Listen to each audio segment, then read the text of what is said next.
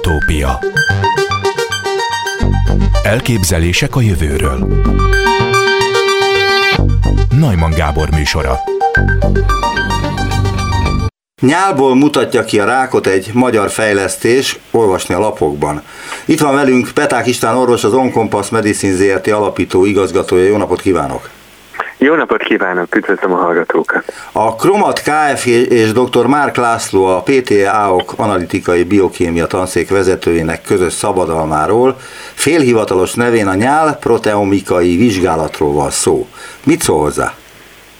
Igen, hát nagyon-nagyon örülök ennek és ennek a, a fejleménynek, és nagyon büszke vagyok rá, hogy magyar kutatók újra előrelépést tettek a rák elleni küzdelembe. Ugye a korai diagnosztika az egyik legnagyobb fegyverünk, hiszen tudjuk, hogy a, ugye a korán fölismert daganatok nagy részben gyógyíthatók. Ez, egyébként ezt a statisztikát kevesen, keves, ritkán szoktuk mondani, hogy ma Magyarországon is a daganattal diagnosztizált betegek több mint felét meggyógyítják, tehát meggyógyítható. Ez nyilván az elsősorban az olyan betegekre vonatkozik, ahol még korai stádiumban sikerült fölismerni a daganatot, úgyhogy ez egy nagyon ö, csodálatos fejlemény, és Hát ezt mutatja, hogy a, a technológiai fejlődés, ami zajlik a világban, ugye most már eljutott oda, hogy a, a fehérjéket is tudjuk diagnosztizálni, hogy a, a, a proteomika, ugye eddig a, a DNS-re és az RNS-re fókuszáltunk, ezek a molekuláris diagnosztika ezeket mutatta ki, de így most a, proteomika ez egy teljesen új terület, és, és nagyon gratulálok a, a pécsi kutatóknak, hogy ebben erőrelépést e, tudtak tenni. Márk László kutatásait évekkel ezelőtt az a feltételezés indította el, hogy a nyálban megjelenő fehérjék, molekulák jellemzők lehetnek nem csak egyes ráktípusokra, de az esetlegesen jelenlévő összes daganatfajtára is. Ilyen jellegű kutatások csak Magyarországon történtek, vagy történnek? Természetesen ez egy világverseny, és már nagyon régóta próbálják a, a fehérjéket kimutatni és az alapján diagnosztizálni.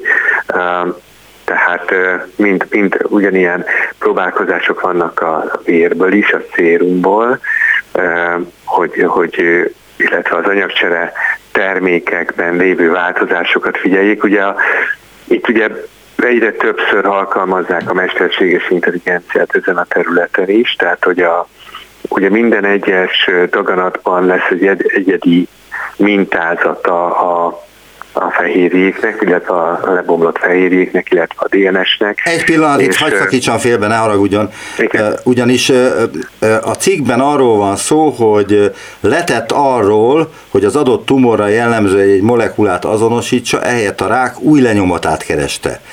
Bármilyen fejé nyaki tumor ugyanis olyan enizmatikus hatásokat indít be, enzimatikus hatásokat indít be, amik hatására bizonyos fehérjék szétesnek, darabjaik pedig kimutathatók a nyálból.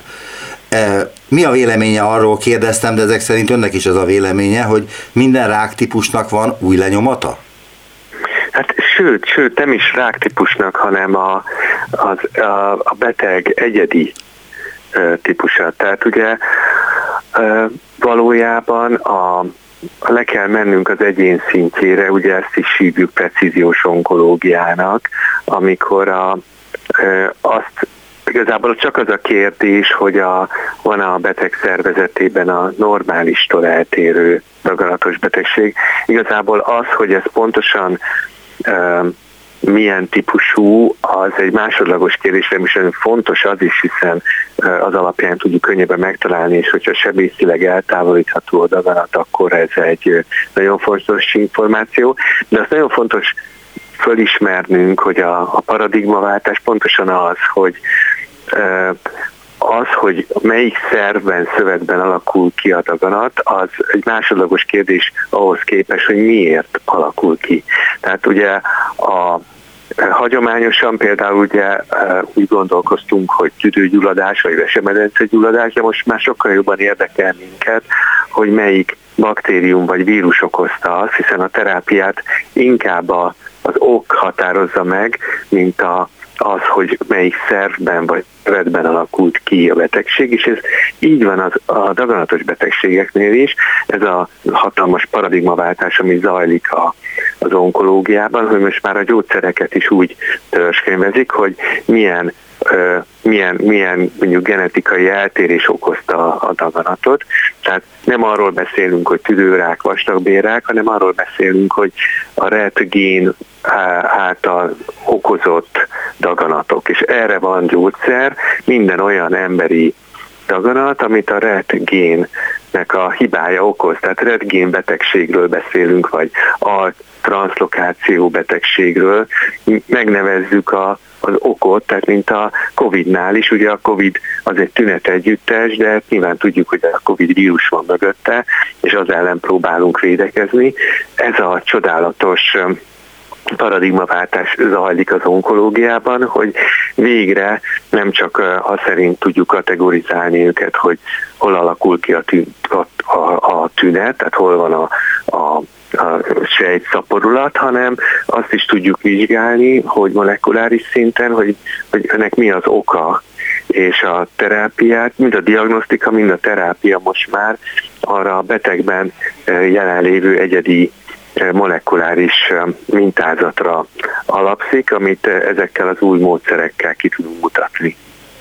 A cikkből idézek, a gyakorlati megvalósítás, mármint hogy a magyar kutatók fejlesztéséről szóló cikkből idézek, tehát a gyakorlati megvalósítást egy kutatás-fejlesztési pályázat indította el, a Kromat műszerforgalmazó KFT szakembereivel együttműködve Márk László elkezdett dolgozni az eszközön, amely nyálmintából képes kimutatni az összes feji nyaki ráktípus jelenlétét a szervezetben.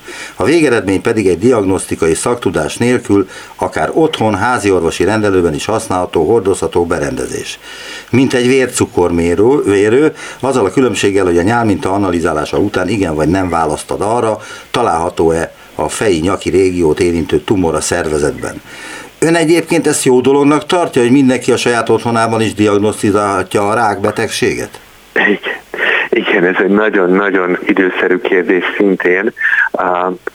Ez, én, én egyrészt jó dolognak tartom, másrészt megállíthatatlan folyamat az, hogy a, a orvosi ellátás egyre inkább visszahelyeződik az otthonainkban. Ba, tehát ugye ugye ez egy világtrend, hogy a nagy kórházak helyett helyi klinikákban látják el a betegeket, sőt, a betegek egyre inkább el sem mennek az orvoshoz, hiszen a telemedicina különböző módszereit alkalmazzák. Nagyon-nagyon népszerű a betegeknél a, ugye a, a videokonferencia alkalmazása, tehát a telemedicina, hogy nem kell elutazni egy, egy rendelőbe és ott kinülni a folyosón és várni a sorunkra, hanem, hanem kényelmesen otthonról tudjuk ezt megoldani, és nagyon sok esetben. És ugye ezt kiegészítik a, azok a mérőműszerek, amiket magunkkal tudunk vinni az otthonunkba, tehát ugye most már nagyon sok embernek van otthon ö, ö, véroxigén szint mérője, ugye a patikába lehet kapni.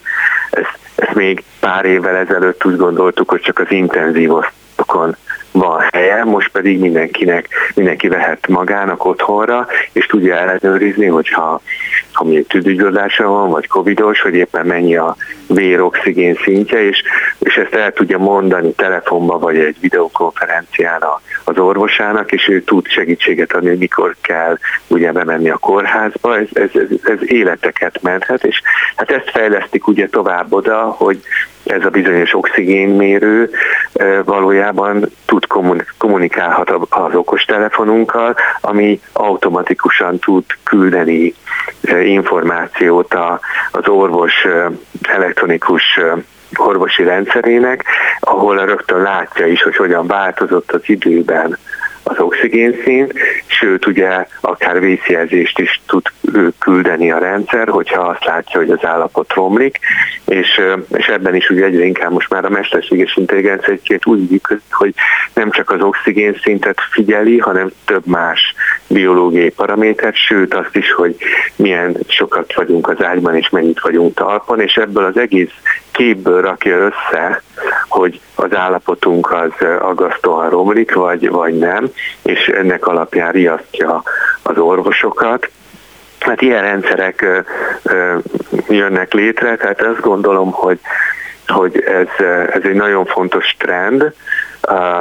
Ugye az elektronika, az információtechnológia olyan szinten fejlődik, hogy, hogy, hogy valóban ez a jövő orvoslása, és hát ugye ezt láttam múlt héten is a Riádban, ugye, ahol, ahol egy fantasztikus, hatalmas technológiai világkiállításon vettem részt. Várjunk csak, ehhez van egy kérdésem igen. is. Tehát, hogy beszélt nekem erről a konferenciáról, a Riádi konferenciáról, ahol egy nagy sikerű eladást tartott, mondta nekem a telefonba. Igen, igen. De hogy 2021-ben vagyis két évvel ezelőtt önök lettek Európa legígéretesebb technológiai vállalkozása az Európai Unió szerint. Sikerült az ígéreteket valóra váltani? Ezt akartam kérdezni, mielőtt a Riádi konferenciára rátért volna. Igen, hát ugye fantasztikus, igen. Tehát a, ami csodálatos az az, hogy 21-ben, amikor megkaptuk a unikornis díjat, akkor az, az tényleg ugye a, a, a jövő unikornisa, tehát az végül is egy bizalom is volt irányunkban, hogy eh, ami egy nagy felelősség is, hiszen ugye azt vállaltuk, hogy elkészítsük azt a orvosi szoftvert, azt a mesterséges intelligencia alapú eszközt, ami javítja az orvosnak azt a képességét, hogy a megfelelő személyre szabott célzott gyógyszert tudja kiválasztani. És utána ez ugye megkaptuk februárban, és júniusban jelent meg a Nature-nek egy szaklapjában az a közleményünk, ami a bizonyította, hogy valóban statisztikailag szignifikánsan tudjuk javítani a döntések sikerességét, ugye ezt a Küri intézettel hoztuk létre, és azóta ez a rendszer egyébként teszteljük több helyen a világon, itt Magyarországon is, és most novemberben, tavaly mutattuk be az eredményeinket a Magyar Klinikai Onkológus Társaság konferenciáján, ahol már azt mutattuk meg, hogy a valós életben, hogyha például a Délpesti Centrum Kórházban alkalmazzák ezt a módszert, vagy az orvosok figyelembe veszik a Elnézést, hogy itt a szavába vágok, de meg igen. lehetne tenni azt, hogy vegyük úgy, hogy én egy kuncsaft vagyok, aki elmegy önhöz, és nekem elmondja, hogy mi ez a rendszer. Mert a hallgatók nem tudják, hogy milyen onkológiai rendszerről van szó, amelyik feltérképezi a szervezetben a túlburjánzott sejteket, vagy a daganatos sejteket. Tehát mi ez a rendszer, ami esetleg az én gyógyulásomat hozhatná? Igen, tehát ugye arról van szó, hogy az emberiség most jutott el oda, hogy 95%-ban meg tudjuk mondani, hogy egy adott betegnél a daganatot milyen génhibák okozták, és, és már tudjuk, hogy éppen most ott tartunk, hogy 733 olyan gén van, aminek a mutációja a daganatot okozhat, és minden génben tízezer féle mutáció lehet, és minden daganatot ezeknek a mutációknak a kombinációja okoz, tehát egy, és ezért olyan fontos a személyre szabott terápiás döntés, és mi egy olyan ö, ö, eszközt hoztunk létre, tulajdonképpen egy mesterséges intelligenciának egy fajtáját, ami 20 ezer másodperc alatt 32 ezer számítási lépésen keresztül kiszámolja, kiszámítja, hogy a génhibák közül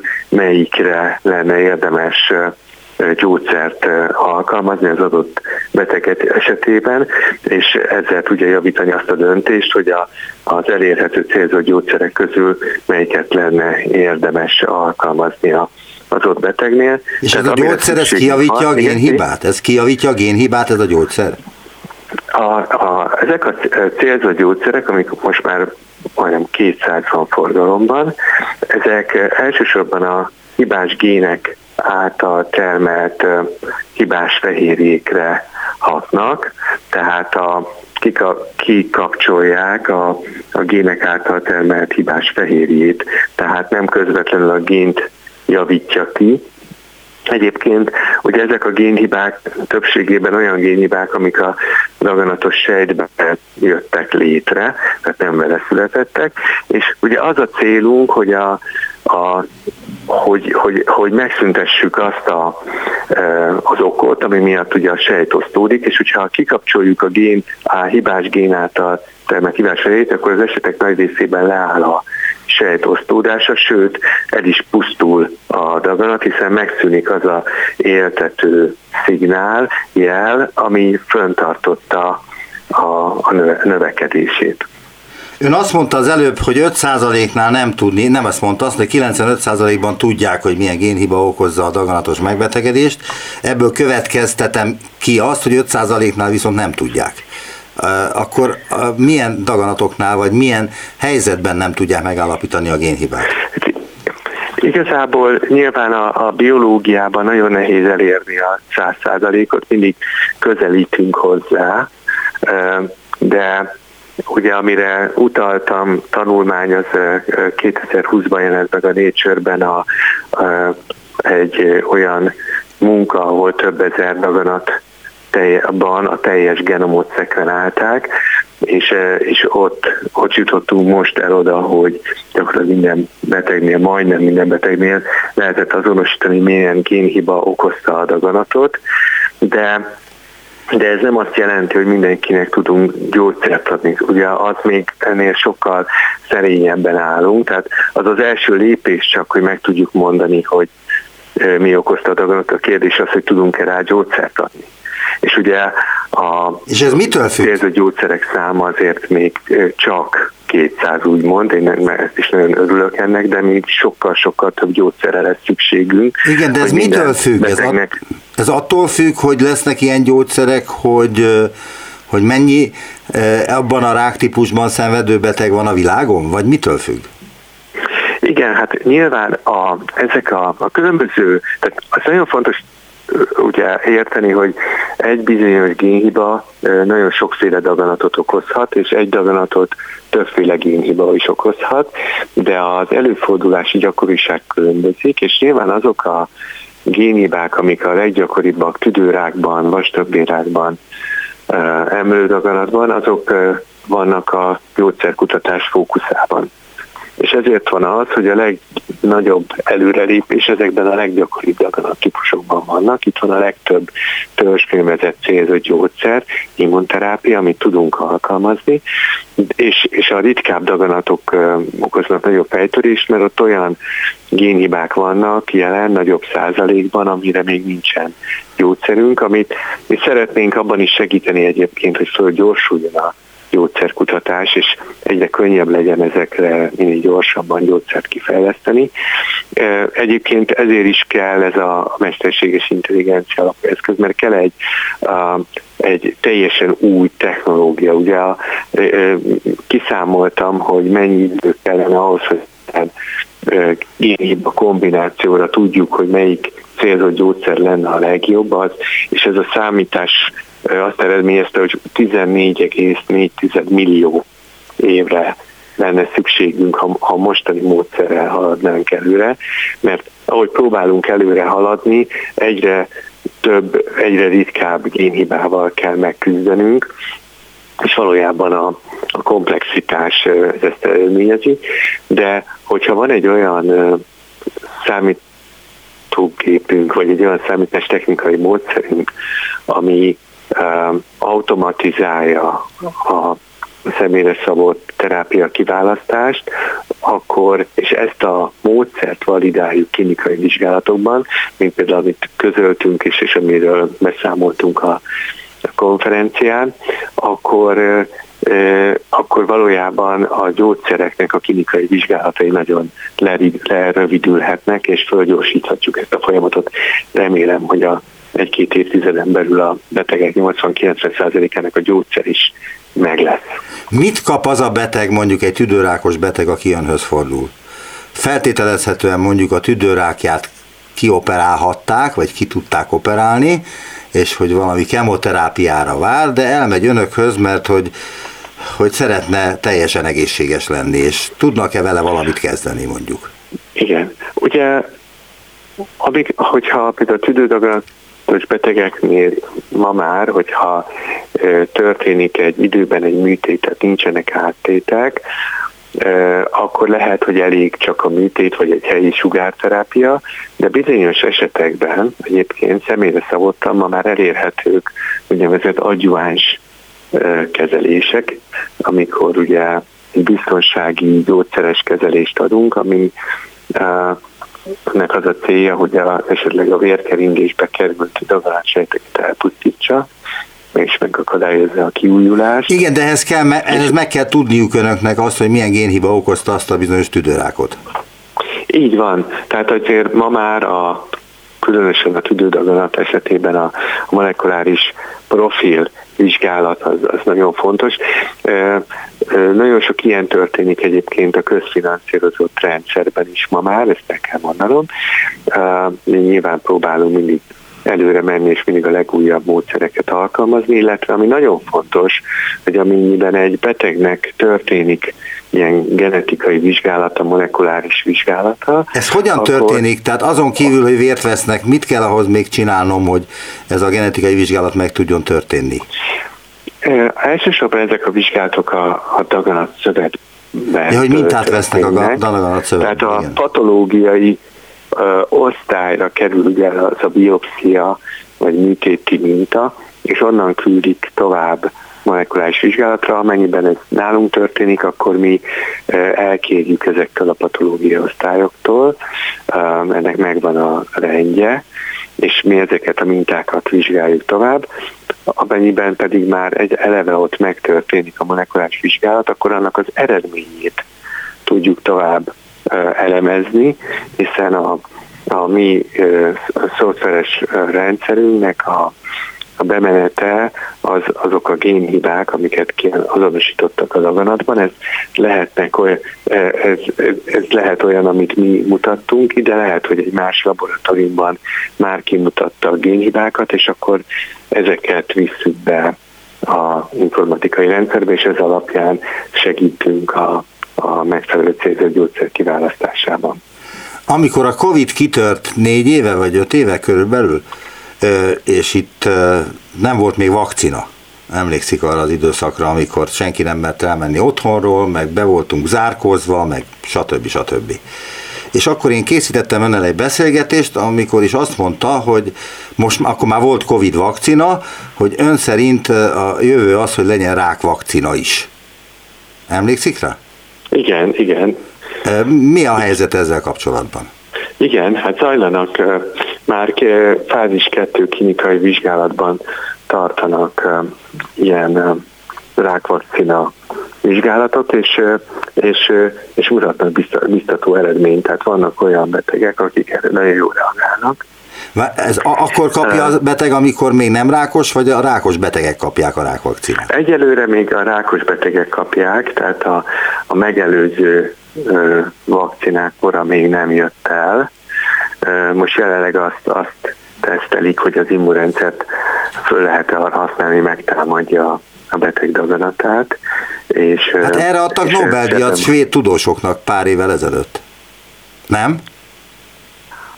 A, elnézést nem hallottam. A... Azt mondtam, hogy, saj, hogy arra adtak Nobel-díjat talán három évvel ezelőtt rákutatóknak, akik a, saját, a szervezet saját immunrendszerét használta föl a rák legyőzésére. Igen, amire a Nobel-díjat kapták, az a PDL-1 uh, immuncheckpoint inhibitor felfedezése volt. Jó, hát ilyen szépen én nem tudtam elmondani. Elnézést, ami, ilyen szépen nem tudtam elmondani. Igen, igen, na, igen. Tehát ugye a, az immunrendszer az, hogy az immunrendszer nem tudja elpusztítani a dagatot, az két okból lehet, vagy nem ismeri föl, vagy ha fel is ismeri, akkor a daganat védekezik úgy, hogy termel olyan fehérjéket, ami kikapcsolják az immunrendszer támadását, elpusztítják a, a, a fehérvérsejteket, és ezeket a, ennek a felfedezése nagy, nagy mérföldkő volt, hiszen ezeknél a betegeknél, ha adunk egy olyan célzott gyógyszert, ami kikapcsolja a kikapcsolót, tehát ugye azt, amit a daganat termel, akkor helyre tudjuk állítani az immunrendszer támadó képességét, és ezekben nagyon hatásos lehet. Tehát ezek már forgalomban vannak ilyen gyógyszerek. Igen, hagyd tegyek egy megjegyzést. Ez nagyon hatásos is. Hagyd tegyek egy megjegyzést, hogy van egy ismerősöm, aki szegény nemrég hunyt el daganatban, tüdőrákban, Svédországban. És neki ajánlották ezt a kezelést, amiről most beszél, vagy amit én kérdeztem. És elkezdődött ez a kezelés, de olyan fájdalmai voltak, hogy abba hagyta. Ez lehetséges? Ugye nehéz így nyilatkozni egy ilyen esetről, ahol nem látjuk a De hogy ez nem általános? De általánosságban, általánosságban ennek a kezelésnek is van mellékhatása. Ugye a logikus, hogy mi a mellékhatás, általában autoimmun betegségeket tud provokálni, vastagbélgyulladást, tüdőgyulladást. Igen, azt hiszem ez mind összejött Fölpörgeti az immunrendszert, ez sajnos a betegek egy kis részében, szerencsére nagyon kis részében egy ilyen mellékhatással járhat hogy túl, túl működik az immunrendszer, és már a saját szöveteket is megtámadja. Ez történt azt hiszem ebben az esetben. Igen. Igen. Tehát ezért van az, hogy, hogy nagyon fontos a személyre szabott orvoslás. Tehát igazából ami eddig biztosnak látszik, az, az, az az, hogy hogy optimalizálnunk kell ezt a döntést minden egyes betegnél, hogy kinek ez a legjobb terápia. Azt látjuk, hogy ez a bizonyos immunterápia, ami tényleg fantasztikusan izgalmas, egyrészt van mellékhatása, másrészt a betegeknek igazán olyan kb. 20%-ánál hat igazán, de azoknál viszont nagyon tartós, ami egy csodálatos dolog. És most ezért nagyon fontos az, hogy meg tudjuk mondani, hogy ki ez a 20 hogy azok mindenképpen megkapják, mert azoknak megéri ezt a mellékhatás kockázatot vállalni, és kik azok, akiknek nem éri meg ezt vállalni, hiszen a terápiás előny ezt nem kompenzálja. Tehát, és, és a mi módszerünk egyébként ebben is segít, tehát próbálunk segíteni az orvosnak abban a döntésben is, hogy kinek érdemes ilyen immunterápiát kapni, és kinek nem. Nagyon szépen köszönöm az interjút. Peták István, orvos, az Onkompass Medicine ZRT alapító igazgatója volt a vendégem. Viszont hallás. Nagyon köszönöm. Köszönöm szépen a beszélgetést. Utópia a miográfia új módszereket ad a társadalom kezébe, amivel hatékonyabban lehet olyan katasztrófa helyzetekre reagálni, mint például egy szökőár vagy egy vulkánkitörés. Feltárhatók az előregedett mérnöki és bányászati infrastruktúrák feszélyforrásai, versenyképessé válnak bányászati beruházások. Itt van velünk Hamar Gergő, fizikus, a Wigner Fizikai Kutatóközpont Részecske és Magfizikai Intézetének nagy energiás fizikai osztályának innovatív detektorfejlesztő lendület kutatócsoport tudományos munkatársa. Jó napot kívánok! Szép napot kívánok! Jól mondtam egyébként az ön titulusát? Igen, a detektorfejlesztő kutatócsoportban dolgozom én már több mint egy évtizede. Akkor arra válaszoljon legyen szíves, hogy mi az a műográfia?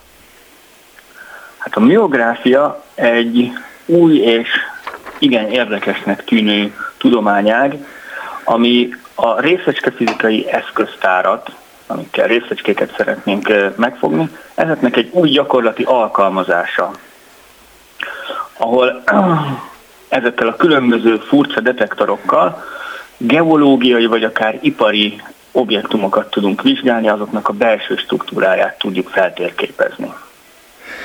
Igen, és ugye ehhez, ehhez műonokra van szükség, ami hát szintén egy eléggé talányos dolog, azt hiszem az emberek többsége azt se tudja, hogy van ilyen, vagy hogy mi ez.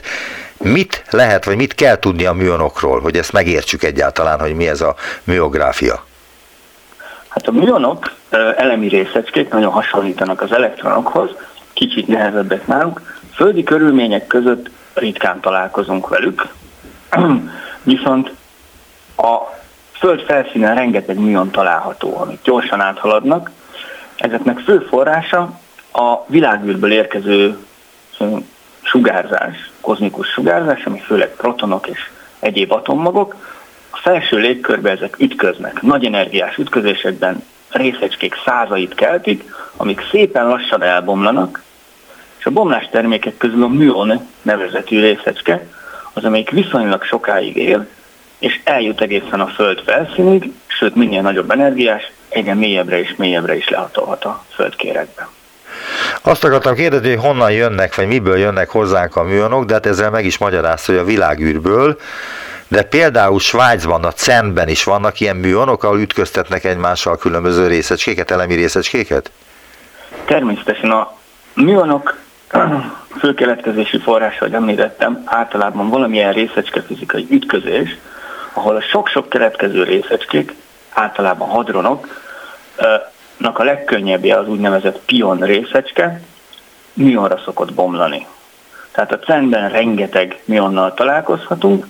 Részecske fizikusok azért is kedvelik a miont, mert viszonylag nagy áthatoló képessége van, tehát nem csak a mérés technikailag egyszerű bánni vele, az eszközöket jól megmérni, hanem a részecske fizikai folyamatokban is egy viszonylag egyszerű tiszta képet ad. Ez mit jelent, hogy egyszerű, tiszta képet ad, illetve hogy mi a különbség, ugye ön azt mondta, hogy az elektronokra hasonlít. Olvastam valahol, hogy az elektronok nagy testvéreinek is szokták nevezni a műonokat. De ugyanakkor ez nem a Földön keletkezik, hanem valahol a világűrben, és mi az a tulajdonsága, ami miatt el tud jutni a Földig. És a többi, úgymond káros sugárzás nem jut el a Földig.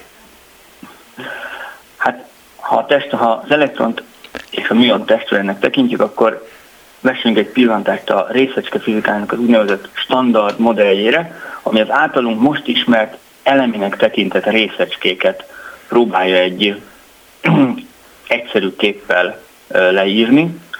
Ezt hasonlatosan képzelhetnénk el, mint a klasszikus mennyilevi periódusos rendszer, csak sokkal kevesebb elem van benne. Ezek közé tartoznak az úgynevezett kvarkok, amikből az olyan típusú részecskék tevődnek össze, mint a proton meg a neutron, és ezektől egy különálló csoport az úgynevezett leptonok. Ide tartozik az elektron, a milon, a tau részecske, illetve a neutrinóik. Ezért mondhatjuk, hogy ők testvérek. Azért érdemes ilyen módon csoportosítani, mert másfajta kölcsönhatásokban vesznek részt. Tehát az, hogy mivel és hogyan hat kölcsön, az az elektronéra hasonlít, csupán a tömege nagyobb egy műonnak. És ezeket erős vagy gyenge kölcsönhatásnak nevezzük, amit a műonok produkálnak? A műonok a gyenge kölcsönhatásban szerepelnek, abban vesznek részt. Az erős kölcsönhatás az a kvarkok területe. Aha. Küldött nekem egy cikket, ebből idézek. Új és minden eddiginél jóval költséghatékonyabb eszközt fejlesztettek ki a vulkánok és sok minden más átvilágítására a Magyar Tudományos Akadémia Wigner Fizikai Kutatóközpontjában, a technológiára pedig Japánban is szemet vetettek. Olyannyira, hogy az NLC japán IT óriás megvette az MTA fejlesztését, amivel a vulkánok mellett hidakról és alagutakról akarnak röntgenképeket csinálni egy mesterséges intelligenciával kiegészített rendszerrel. Mikor történt ez, illetve mekkora üzlet egy ilyen tudományos alapkutatásnak a áruba bocsájtása? Hát áruba bocsátást mm, kimondhatunk, de én inkább tudományos kollaborációként szeretnék erre tekinteni. Elnézést, visszavonom az árubocsátást. Tudományos kollaborációnak mennyibe? Tudomány. Mekkora hasznot termel ez például a Wignernek?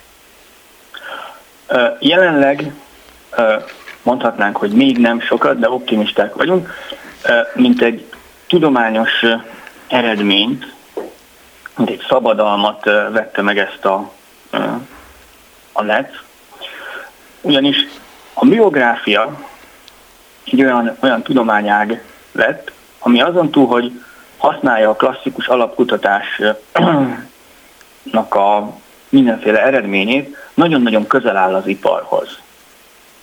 Lehet, hogy még egy pár szót elmondanék előtt, hogy hogyan is... Nyugodtan, van idő rá bőven. A miográfiai mérés.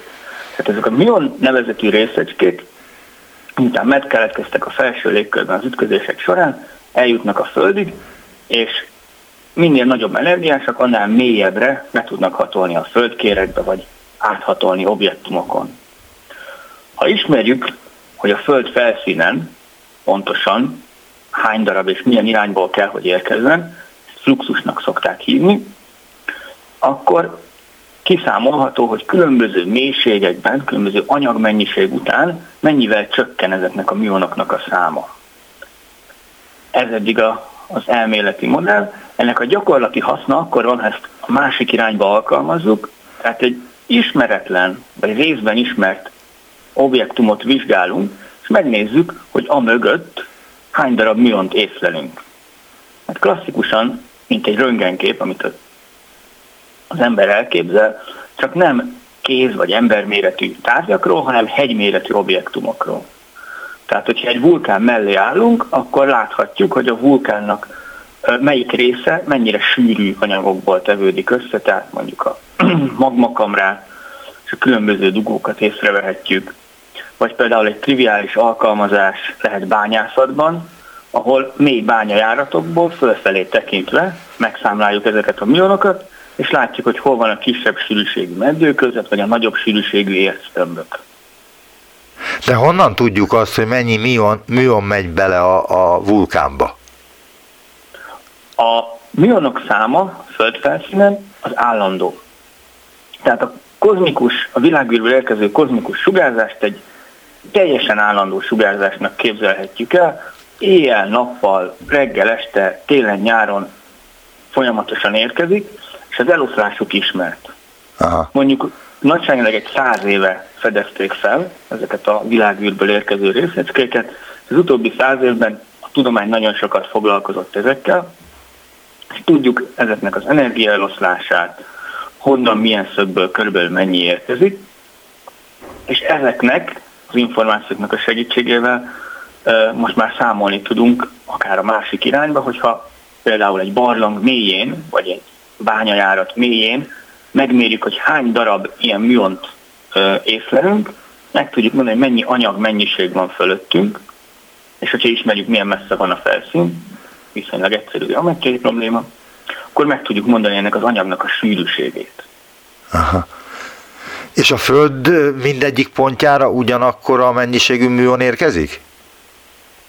Ö, első közelítésben igen, természetesen vannak apró ö, változások a Föld különböző területein, viszont időben állandó. Akkor nem a napból jönnek? Nem, nem, e, ezek a világűrből érkező tipikusan proton, proton és magok által keltett felső légköri ütközésből jönnek. És annak is van valami forrása, azt már tudjuk, hogy körülbelül honnan jöhet, milyen messziről, és mi lett a forrása végül is ennek a, ennek a struktúrának? A kozmikus sugárzásnak a, a forrása az igazándiból a világűrből mindenhonnan érkező, akár több-több fényévről érkező ö, mindenféle magok, amik kint vannak. Ezeknek, amivel többet foglalkozott a, azt, hogy a részecske fizika, ezeknek az energia eloszlása. Miért, mely, melyik fajtából pontosan mennyi van? Ja, hogy van több fajta műon ezek szerint? Nem, nem. A, a műonok azok a felső légkörben keletkeznek a külső kozmikus sugárzás hatására. Amik kívül, amik a világűrből érkeznek, azok mind stabil részecskék, többnyire protonok. És ezek a protonok nagyon gyorsan beérkeznek a Föld légkörébe, és ott előbb-utóbb találkoznak egy valamilyen atommal, egy oxigén molekulával, egy nitrogén atommal, és itt egy nagy energiás, részecske fizikai szempontból nagy energiás ütközés jön létre, olyan, mint amit a cen is vizsgálnak. Ugyanolyan hasonló ütközések, milliónyi történik folyamatosan a Föld teljes légkörében. És az itt keletkező sok-sok-sok részecskék szépen lassan lebomlanak egyre könnyebb és könnyebb részecskékre, és a műon az egyetlen, ami a földfelszín jelentős sugárzást eredményez ezek közül. Az akkor nem fontos kérdés, bocsánat, hogy a szavába vágtam, tehát akkor az nem fontos kérdés, hogy hogy hol keletkeznek, vagy mi, miképpen keletkeznek ezek a részecskék, amelyekből műonok lesznek? Igazániból a műográfia szempontjából érdekes módon nem. Asztrofizikai szempontból nagyon érdekes, hogy a különböző, ne akár nehéz elemeknek a magjaiból mennyit találunk a világűrben, de a gyakorlati felhasználás, tehát a miográfia oldaláról azt használjuk ki, hogy van egy állandó ö, műonforrásunk, ami egyszerűen a világűr felől érkezik. Mint hogy úgy tudnánk elképzelni, hogy lenne egy olyan röntgengépünk, ami folyamatosan be van kapcsolva, és most, hogy ki az, aki fölkapcsolta ezt évmilliókkal ezelőtt, az független attól, hogy milyen képet ad ez az újfajta röntgengép. Akkor most hagyd kérdezzem meg, ami lehet, hogy nagy dilettantizmusról tesz tanúbizonyságot, hogy a gravitációs hullám és a műonok között van valami fajta hasonlóság, vagy egyáltalán a kettő összehozható egy kutatásban, vagy ennek a dolognak, két dolognak semmi köze nincs egymáshoz? Igazándiból nincs közük egymáshoz. Aha. Egy index cikkben a következő szónoki kérdést teszi fel a cikkíró ezzel kapcsolatban. Miért pont a vulkánoktól nem kifejezetten hemzsegő Magyarországon fejlesztették ki a vulkánvizsgálógépet, amiről szó volt a japánok kapcsán? Miográfiával a legelőször a 60-as években foglalkoztak, Alvarezék, ahol egy piramist térképeztek fel. Ez akkor egy hatalmas nagy beruházás volt, egy óriás kísérlet, és igazándiból 2000-es évek körül értünk el odáig, hogy megfizethető és már jól ismert technológiával előállíthatóak olyan észlelő rendszerek, amik ezeket az egyedi műon részecskéket tudják detektálni. Mi itt a Wignerben egy részecske fizikai detektorokat kutató és fejlesztő csoport vagyunk, általában alapkutatás és alkalmazott kutatáshoz, és itt kifejlesztett detektorok kifejezetten alkalmasak például ilyen miográfiai felhasználásra. Különböző csoportok más technológiákkal alkalmaznak, van akik emulzió, szintillátoros detektorokkal, mi úgynevezett gáztöltésű detektorokkal dolgozunk, amik nagy méretben is költséghatékonyak, ami egy ipari beruházásnál nem egy utolsó szempont, és kiváló hatásfokúak, és ezért döntöttek úgy például a japán kollégák is, hogy velünk együttműködve próbálják a, a vulkánokat vizsgálni. És mit lehet megtudni a vulkánokról az önök konstrukciói alapján? Ha felkérik önöket, hogy nézzenek meg egy havai vulkánt, hogy most ki fog-e törni, akkor erre tudnak-e valamifajta becslést mondani, az, azután, hogy a műonokkal kvázi megmérték ezt a vulkánt? A miográfiában meg lehet mérni ilyen vulkánokat, akár monitorozni is lehet. Most például a Sakurajima vulkánnál, ami Japán déli részén van egy aktív vulkán, itt van a legnagyobb ilyen mérésünk, közel 10 négyzetméter aktív felületen. Az fontos még tudni vulkanológiával kapcsolatban, hogy a miográfia nem egy olyan módszer lesz például a munkánkutatásban, ami minden mást háttérbe szorít, hanem egy kiegészítő információt tud adni. Másfajta mennyiségeket mérhetünk egy vulkánnál, mint amit klasszikusan vulkanológiában meg lehetett. A biográfia segítségével betekinthetünk a vulkánnak a belsejébe. A, például egy nagyon jó példa a Sakurajimánál sikerült kimérnünk a világon először egy vulkáni dugónak a keretkezését, ennek a vulkánnak több aktív krátere van, tipikusan ilyen hetente vannak kisebb kitörések, és érdekes módon kicsit több mint egy évvel ezelőtt, ezek a kitörések áttevődtek az egyik kráterről a másikra, amit elméletileg lehet egy úgynevezett vulkáni dugóval ö, magyarázni, és miográfiával képesek voltunk kimutatni egyszerűen a, az előtte és az utána való ö, képeknek az összehasonlításával, hogy valóban megjelent egy új, nagy anyagtömeget képviselő dolog az egyik helyen. És ebből lehet követ... Jelenleg... Bocsánat, és ebből akkor lehet következtetni arra, hogy kitörhet-e, vagy éppen kitörni szándékozik ez a vulkán? vulkán? Uh, igazándiból ez egy álom, ami, ami felé szépen lassan haladunk, hogy kitörést előre tudjunk jelezni. A mostani adatok azok inkább a vulkánoknak a pontosabb megértését és leírását szolgálják. Ha megfelelően nagy méretű detektorokat tudunk építeni, vagy több darabot, akkor ezek a miográfiai képek viszonylag ö, gyorsabb expozíciós idővel keletkezhetnek. Eddig még nem igazán meséltem. Tipikusan egy mérésnek az ideje az egy hét, egy hónap körül van, ami ugye egy kitörés előrejelzésnél nem lenne túl szerencsés. Nagyobb felülettel de várjunk csak, én most, bocsánat, hogy itt szavába vágok megint, de most olvastam a hétvégén, hogy az Egyesült Államokban a tudnám melyik nemzeti parkban van egy olyan vulkán, amelyik ha kitör, akkor az egész föld lényegében beterítődik vulkáni hamuval, a Yellowstone-ban. Igen, igen. Hogy akkor beterítődik, és hogy nem lehet tudni azt, hogy ez a vulkán most holnap fog kitör, kitörni, vagy százezer év múlva. Igen, a vulkánoknál ez általában így van, hogy az emberek egyáltalán nem, tehát jelenlegi tudományban nem tudjuk megjósolni, hogy mikor fog kitörni. A miográfiával, amire esélyünk van, az a vulkánnak körülbelül a földfelszín feletti ö, részét monitorozva láthatjuk a, a belső sűrűségváltozásokat. Hát de ez elég, nem? Ezek geológusok, meg vulkanológusok számára ezek nagyon fontos, vagy hasznos információk. Ezek retten, rettentő hasznos információk. Japán kutatóknak sikerült már például rekonstruálni egy ilyet, mivel ahhoz, hogy valós időben tudjunk képet alkotni, mi azt jelenti, hogy egy képalkotás legyen több fél óra óránál, hatalmas felületű detektorokra van szükségünk, amit eddig meg lehetett csinálni,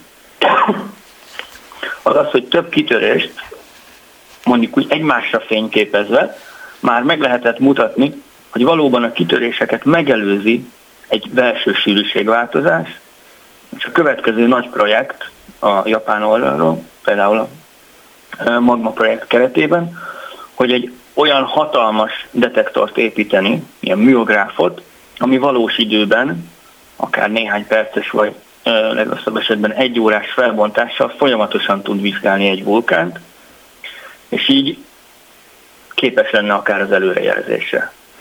Mivel fogják fel a vulkánon át repülő műonokat? A vulkánon áthaladó műonokat részecskefizikai detektorokkal, tehát részecskefizikai objektumok részecskefizikai detektorokkal észleljük. Mi úgynevezett gáztöltésű detektorokkal dolgozunk, sokszálas detektorokkal. Ezeknek egy speciális fajtája, amit ö, itt fejlesztettünk a, a Wignerben, ö, és kifejezetten most már ezeket úgy tervezzük és építjük, hogy miográfiára alkalmasak legyenek.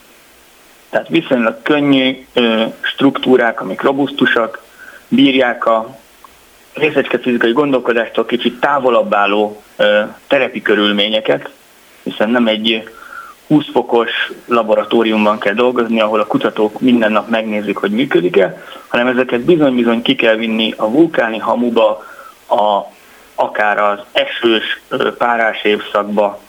Szakurajimánál nyáron például a méréseinknél nem ritka, hogy 40-45 fokban majdnem 100% páratartalom mellett kell üzemelni ezeknek a amúgy kényes eszközöknek. És Magyarországon is mértek már műonokat ilyen objektumoknál, mint hát vulkánok nem nagyon vannak, tehát Igen, hegyeink nem. vannak meg.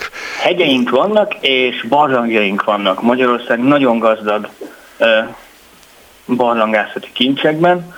Az első ilyen detektorok, amiket itthon fejlesztettünk, azok barlangászati kutatásokra fókuszáltak, ahol egy ismert barlangjáratnak egy mélyebb részére, ha telepítünk egy ilyen eszközt, akkor fölfelé tekintve láthatjuk a hegynek a képét, és az ismeretlen, ha vannak ismeretlen új barlangi járatok, azokat ki tudjuk mutatni, hiszen arra felé kevesebb anyagmennyiség van, tehát onnan több miont észlelünk. Több ilyen mérésünk volt a Molnár János barlangban, Sátorkőn, Esztromoson, az ajándékbarlangban is. Igazániból innen indult a, a miográfiai irányú kutatások a csoportban. Azt olvastam, hogy átlagosan másodpercenként egy műon halad keresztül egy ember tenyerén, vagyis egy 8 órás alvás során egy millió műon megy át a testen. Milyen hatással vannak az emberre a műonok? A műonok részei a természetes háttérsugárzás. Tehát semmilyen. Semmi, semmi több, mint amit az ember, amire az ember számít. Áthaladnak többnyire az emberen, és icipicit ionizálnak, amit egy biológiai szervezet, biológiai szervezetet egyáltalán nem zavar. Akkor van egy alapvető kérdés ezzel kapcsolatban, ami egyébként szerintem rendkívül fontos, és erről nem olvastam a műonkutatásnál, hogy fel lehet-e használni az emberi képalkotó diagnosztikában a műonokat? Mint például orvosi alkalmazásokban. Igen. Igazándiból a, a, a mionoknak nagyon nagy az áthatoló képessége. De nincs ilyen káros sugárzása, mint a röntgennek. Pontosan. A, viszont a röntgennek hatalmas előnye van ilyen szempontból, mondjuk egy, ha egy emberi kézről szeretnénk egy röntgenképet alkotni, egy röntgengéppel viszonylag nagy intenzitással nagyon gyorsan tudunk egy képet alkotni másodperc alatt. A világűrből érkező mionoknak a száma, az intenzitása, az kötött, és nem túl sok. Tehát azt mondjuk egy 8 órás alvás alatt 1 millió, ez teljesen reális. Ahhoz, hogy ezt embereken alkotott képalkotáshoz használjuk, ahhoz ez viszont kevés. Ahhoz meg kéne kérnünk valakit, hogy 8 órán keresztül nem mozogjon, ez irreális, viszont pont a mionok nagy áthatoló képességét kihasználva nagyobb méretű objektumokat tudunk vizsgálni, akár hegyeket, akár hidakat, mint például a, a japán kollégák. Ami még tervek között szerepel, az például a különböző kargóknak az átvilágítása, amik már nem férnek be egy vagy akár méretüknél, akár jellegüknél fogva nem röntgenezhető, azokat tudjuk miográfiai módszerekkel vizsgálni. Nagyon szépen köszönöm az, az előadást, voltak éppen a műográfiáról, a műográfiáról és a műonokról. Hamar Gergő fizikus, a Wigner Fizikai Kutatóközpont Részecske és Magfizikai Intézet nagyenergiás fizikai osztály innovatív detektorfejlesztő lendület kutatócsoport tudományos munkatársa volt az utópiában. Viszont hallásra, és köszönöm szépen még egyszer ez előadást. Viszont hallásra. Köszönöm.